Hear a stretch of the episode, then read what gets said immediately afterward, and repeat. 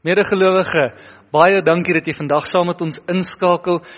En al is dit sulke aardige tye, né? Ons mis kontak met mekaar. Ons kan nie wag om mekaar weer te sien nie. Uh dit sal vir my so lekker wees om mense weer van ons gemeente te kan beleef want dit is nou my eerste keer wat ek kans het om weer die woord te bedien na my verlof. Uh dit was 'n wonderlike tyd saam met my gesin weg. Ons ons het julle baie baie gemis. Uh so in die begin van die jaar het 'n ou nogal 'n behoefte om uit die wegspringblokke uit te kom, né? En uh dis nogal anderste as verlede jaar. Verlede jaar het 'n mens 'n klomp groot ideale gehad aan die begin van 2020 en gesê, "Hier ons, ons het hierdie mikpunte en hierdie doelwitte en toe slaan 2020 ons." En ek kom agter 2021 se begin van die jaar is is is is net so moeilik want dis asof 2020 voortsleep en oorspoel ook binne in hierdie jaar. En dit maak dat 'n mens voel maar jy kan nie aanbeweeg nie. Uh jy wil so graag deurdruk en nou vir eens en vir altyd 2020 en hierdie pandemie agterlaat en laat dinge net weer kan normaliseer, maar dit lyk net nie asof dit gaan gebeur nie. Elkeen van ons het hierdie reuse behoefte aan beweging. 'n Reuse behoefte om vorentoe te gaan, om deur te druk, om hierdie gemors waarin mense is agter te los en agter ons te kry. Ek dink so baie aan 'n verhaal van Jesus toe hy so vorentoe gebeur het en uh beweeg het deur 'n groep mense op pad na 'n definitiewe eindbestemming toe. En ek dink as ek hierdie verhaal lees dan dan sien ek so baie by hom wat ons kan implementeer in ons lewens. En ek wil graag vir jou hierdie verhaal vertel, met jou dit bespreek uit die Bybel uit, maar kom ons bid saam. Here, ek wil graag vra dat U vandag saam met ons sal sal wees waar elkeen van ons ook al mag wees by die huise uh, in ons uh, beddens nog sit en en en en kyk na hierdie video en of ons dalk saam as 'n gesin voor 'n TV sit waar ons ook al mag wees mag u gees ook vir ons wys hoe ons by u uit u lewe uit kan leer hoe om vorentoe te beur hoe om deur hierdie tyd te beweeg mag U met ons praat uit die woord uit. Amen. So die gedeelte waaruit ek vandag met jou wil praat uit God se woord is Lukas 8. In Lukas 8 vind ons hierdie verstommende verhaal van Jesus wat vorentoe beur en soos ek sê ek dink ons leer 'n klomp goeters by hom in sy lewe wat ons kan implementeer vir ons in 'n tyd wat ons ook probeer vorentoe beur. Ja, so hoe dit gebeur is uh Jesus lees ons het sopas uh die besetene van Gadara of die Geraseners uit daardie gebied uitgekom, die besetene daar uh verlos en bevry en toe uh met oorkant die meer gevaar. En dan sê die uh, Lukas 8 vir ons dat toe hy aan die ander kant kom, skaars voet aan wal gesit, toe wag daar 'n klomp mense vir hom. Want die storie oor Jesus het net versprei en versprei en versprei en toe hy voet aan wal sit tussen al die mense wat hom daar inwag, kom daar 'n 'n lid van die a, van die Joodse raad na hom toe met die naam en die persoon se naam is Jairus en Jairus sê toe vir hom Jesus, ek het 'n baie groot probleem. My dogter, sy's omtrent so 12 jaar oud, uh, sy lê op sterwe. Sal u asseblief na haar toe kom, sal jy asseblief haar kom aanraak, haar kom gesond maak. En om die waarheid te sê, uh, ja Iris sê die teks het op sy knieë geval, wat nogal besonder is vir 'n Joodse uh, lid van die Joodse raad om so eer te betoon aan Jesus. En hy sê net, ek is so desperaat, kom help my asseblief. En Jesus sê, dis reg. Hy stem in Hy gaan na Jairus se dogtertjie toe om haar te gaan aanraak. Maar die baie mense hou aan saam drom en almal wil 'n kykie kry van Jesus en almal wil wil wil net sien waaroor is hierdie boha, hierdie legendariese figuur wat in hulle midde is waarvan almal die stories net van bykom en bykom en bykom so die mense drom saam en drom saam en drom saam En uh tussendeur hierdie mense is is, is Jesus besig om vorentoe te beur, sy weg deur te maak op pad na Jairus se huis toe. Een van hierdie baie mense wat om Jesus saamdrom en 'n stukkie van Jesus wil kry, is 'n vrou wat vir jare en jare en jare al aan bloedvloeiing ly. En die Bybel sê vir ons dat sy al alles probeer het, alles wat sy het al spandeer het aan dokters en aan rate om om van hierdie siekte genees te word. Maar dit dit knielter haar hele lewe. En sy reken toe sy Jesus sien, hierdie is haar kans. Hierdie is haar laaste kans, haar enigste hoop. As sy net aan aan Jesus kan raak. Dalk net kan sy genees word. En is mense in 'n gepeupel, né, in 'n samedromming en Jesus beur vorentoe op pad na 'n spesifieke bestemming toe. Ja, Iris se dogtertjie. En tussen hierdie geroese moes en gedruk kom die vrou wat aan bloedvloeiing ly. En sy dink as ek net deur die mense kan wriemel en selfs net aan Jesus se soem kan raak. En dit is wat sy toe doen. En op daardie oomblik sê die Bybel vir ons gaan daar krag uit Jesus uit. Ons weet nie presies hoe dit gewerk het of wat dit presies beteken nie, maar die Bybel sê vir ons op daardie oomblik stop Jesus. Hy stop en, en onthou nou die vloei van die verhaal word nou hier onderbreek. Jesus stop. Hy draai om en kyk na hierdie massas mense wat almal teen hom druk en en en dis 'n geroese moes van mense en hy vra vir hulle: "Wie het aan my geraak?" Weet jy, ek ek kan myself net visualiseer, almal wat so naby aan Jesus was, wonder nou wat skielik wat gaan nou aan en hulle laat sak hulle hande en hulle staan entjie weg van Jesus of net nou dink Jesus dis hulle wat aan hom geraak het en daar volg hierdie lang awkward stilte. Want niemand kom na vore en sê dis ek wat aan u geraak het nie. Maar Jesus weet dat krag uit hom uitgegaan en daarom vra hy die mense wie het aan hom geraak. Maar die awkward stilte raak nader aan so lank en awkward dat die Bybel sê vir ons dat selfs Petrus toe nader aan bietjie ongemaklik raak en sê Jesus, jy weet hier's hier's baie mense wat maar gestaan en druk het. Dit kan letterlik enige iemand wees. En dan sê die Bybel hierdie verstommende gedeelte um in in Matteus 8 vers 44. Toe die vrou sien hy weet dit is sy het sy van angs gebewe en voor hom kom neerval. Weet jy ons sien met ander woorde dat as Jesus as Jesus sê wie is dit wat aan my geraak het?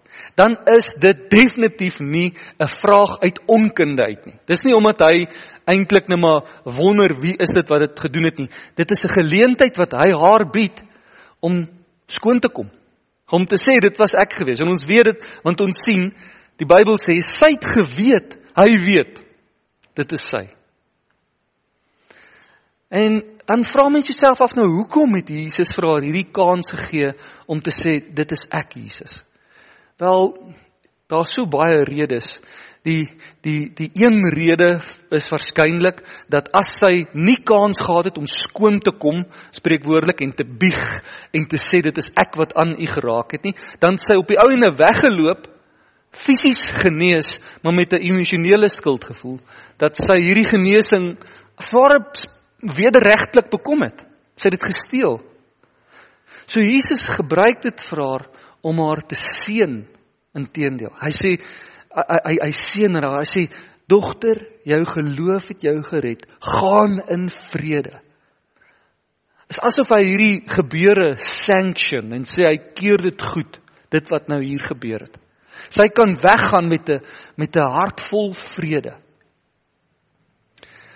Onmiddellik daarna uh draai Jesus om en hy wil die pad weer hervat en toe kom die mense van Jairus se huis af en sê: "Ag, ah, Jairus, ek is so jammer. Jou dogtertjie het dit nie gemaak nie. Jesus, dis nie meer nodig dat jy kom nie. Jairus, Jairus, kom ons gaan. Moenie meer vir Jesus lastig val nie." En jy weet wat toe verder gebeur het. Jesus het gesê: "Nee, nee. Kom ons gaan nog steeds." So wat in hierdie verhaal gebeur is 'n verstommende is 'n is 'n paar verstommende goeters, nê. Nee, in die eerste plek moet ons sê, dis dis nie om dowe neute dat twee keer in hierdie einste verhaal word daar vertel van mense wat op hulle knieë neerval en Jesus aanbid nie. Heel eerstens Jairus en tweedens hierdie vrou wat in bloedvloeiing gelei het. Nou as jy dink in terme van die Joodse kultuur, iemand op hulle knieë dit impliseer aanbidding. Dit impliseer daar's by hierdie mense 'n erkenning dat wie hier voor hulle staan is God self. Dis verstommend. Maar dis meer as dit ook. Daar's iets anders in die verhaal, is in hierdie hoofstuk in hierdie Matteus 8 en Lukas 8 as ons dit lees, dan voel dit vir ons asof hierdie storie van Jairus se dogtertjie wat genees moet word, onderbreek word.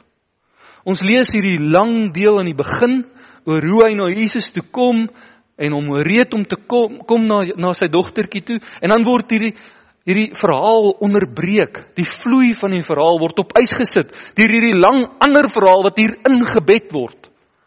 Die verhaal van die vrou wat in bloedvloeiing gelei het. En eers as hierdie verhaal afgehandel is, dan hervat die verhaal van Jairus en sy dogtertjie.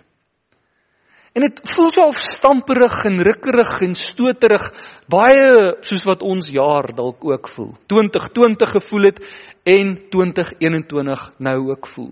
Dis asof dit die die vloei van die verhaal kan net nie aan die gang kom nie. Dis asof Jesus probeer vorentoe beur, maar hier's 'n klomp ander goeters wat gebeur. Ek dink elkeen van ons ken daai gevoel. Jy beur vorentoe, maar Die pandemie los ons net nie. Daar's soveel dinge en woelinge by die werk en dalk in jou familie of waar ook al. Ons kan nie beweeg nie. En ons het 'n behoefte om dinge agter ons te los en voort te beweeg. Maar soos ek sê, dink ek as ons stil staan by hierdie teks en ons verdiep onsself in die lewe van Jesus, dan sien ons eintlik ietsie in sy lewe wat ons kan implementeer vir onsself. En dit is dat Jesus het verstaan dat sy roeping lê nie by 'n eindbestemming en wag nie. Sy roeping is ook op die pad soontoe. En dit is 'n belangrike beginsel wat elke gelowige moet aanleer. Is om te sê dat ek ek vra myself, "Ah, wat verwag die Here van my, né?" En uh Uh, wat is wat is sy verwagting van my in 'n gegeewe situasie? Wat is sy roeping op my lewe? Ek ek wonder en baie keer dink ons die roeping wat die Here op ons lewens het is eendag of by 'n eindbestemming of as omstandighede in 'n sekere gunstige toestande uitspeel, dan gaan die Here my begin gebruik miskien.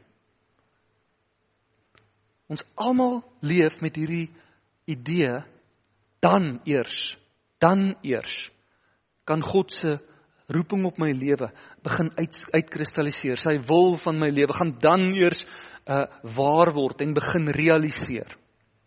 Maar wat ons by Jesus sien is hoewel daar by hom in hierdie verhaal ook 'n baie beslisste eindbestemming is. Hy wil uitkom by Jairus se dogtertjie en hy doen. Maar ons sien dat die pad soontoe is net so belangrik. Die manier waarop hy reis op pad soontoe is net so belangrik as die eindbestemming. En as ek en jy hierdie ding in ons lewens nie reg kry nie, as ons dink alwaar God belangstel is hoe ons waar die plek waar ons eindig. Ons snap nie dit is die manier hoe ons daar kom wat vir hom net so belangrik is nie. Dan sit ons, dan mis ons 'n baie groot waarheid van 'n disippelskapslewe. sien as as jy die reis waarop jy is van jou eindbestemming diskonnekteer dan begin ons 'n gefragmenteerde lewe lei. Dan spreekwoordelik kan ons sê dan dan is dit so goed ons is gelowiges wat dwars deur die week jaag om by Sondag uit te kom.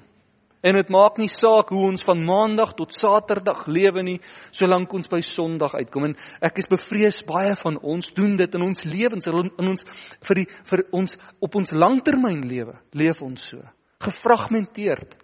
Ons dink daar's net sekere goed waaraan God belangstel. Maar die reis op pad soontoe, daarmee het hy het hy sake. Wel, jy kan nie verder verkeerd wees nie. Dis ook die reis op pad na die eindbestemming toe wat vir Jesus belangrik is. Om die waarheid te sê, vriend, is dit baie keer die reis self wat jou roeping is. Die manier waarop ons reis raak die roeping wat God op ons lewens plaas, die dit wat hy van ons verwag in sekere situasies. En daarom wil ek vir jou sê daar's ons 'n paar vrae wat elke gelowige moet vra. In 'n tyd wat jy probeer vorentoe beur, maar daar's 'n klomp omstandighede wat jou vashou. In toestande wat dit ongunstig vir jou maak om net uit, uit te kom by jou eindbestemming. Klomp dinge wat in jou lewe gebeur. Is daar 'n paar vrae wat jy vir jouself moet afvra? En daardie sleutelvraag is eerstens wat is God besig om nou in jou lewe te doen? Dis wat Jesus gedoen het. Jesus het op pad Jairus toe, toe hy onderbreek word deur 'n vrou wat aan bloedvloeiing gely het, wat hierdie reuse krisis het in haar lewe. Toe kry hy dit reg om te sê, wat is God besig om nou te doen in hierdie oomblik? En wat is dit as jy daai vraag moet afvra? Wat is God besig om nou in jou lewe te doen? Watse probleme speel daar uit? 'n Volgende vraag wat jy vir jouself kan afvra is: wat leer hy tans vir jou? Wat is die openbaring wat jy op die oomblik van die Here ontvang oor hom, oor jou verhouding met hom? En dit is baie keer gekoppel juis aan hierdie probleme wat tans uitspeel en wat wat jy moet sê, ek dink God is hier aan die aan die werk in my lewe. Miskien is jy besig om jou werk te verloor en jy sê, "Jo, ek ek eh, ek leer tans om God opnuut te vertrou." Die derde vraag wat ek dink wat jy vir jouself kan afvra is watter gedrag vra hy op die oomblik van jou? Wat is God besig om nou te doen in jou lewe? Wat leer hy tans vir jou? En watter gedrag vra hy van jou op die oomblik? Want dis nie net die eindbestemming wat belangrik is nie. Dis die reis wat belangrik is. En Jesus het dit vir ons gemodelleer. Jesus het vir ons gewys hoe jy so invoeling kan wees met met wat God doen dat jy in die oomblik iets anders nog steeds na op pad toe kan wees, maar kan aandag gee aan iemand wat God nou oor jou pad stuur. En mag ek en jy ook in 'n tyd wat ons probeer vorentoe beur, probeer deurdruk deur 'n klomp ongunstige omstandighede, onthou dat dit nie die eindbestemming is wat alleen belangrik is nie, maar ook die manier waarop ons daar uitkom. Mag ons geïntegreerd leef. Mag ons onthou die manier waarop ons uitkom is net so belangrik vir Jesus. Mag ons onthou om met oop oë nou te reis. Om te sien wat God besig is om te doen in my lewe. Wat verwag hy van my? En waar kan ek hom raak sien? Ek wil graag vir jou bid en ek wil ook vir, vir jou uitnooi om vandag saam nagmaal te geniet. Ek wil jou uitnooi om saam daar by jou huis uh 'n brood te neem en dit te breek en uh druiwesap te skink en die die liggaam van Jesus sy sterwe te saam te vier dat hy so lief was vir my en vir jou dat hy sy lewe afgelê het vir ons. Kom ons bid saam. Here Jesus dankie dat ons vandag net kan vir mekaar kan herbevestig dat al wil ons vorentoe beer en al wil ons um vordering maak, beweeg, goeders agter ons los, besef ons dis die manier waarop ons vorentoe beer wat net so belangrik is vir u. Help ons om geïntegreerde lewens te leef sodat ons reis u nie skaam maak nie. Help ons Here om te sien waar u aan die werk is watter geleenthede u oor ons pad stuur, watter mense u oor ons pad stuur, wat u besig is om te doen. Help ons om in die oomblik te leef. En mag ons wanneer ons vandag saam nagmaal gebruik, bemoedig word en herinner word aan u liefde vir ons in moeilike tye. Amen. Medegelowige, mag jy geseënd wees in die naam van Jesus Christus. Amen.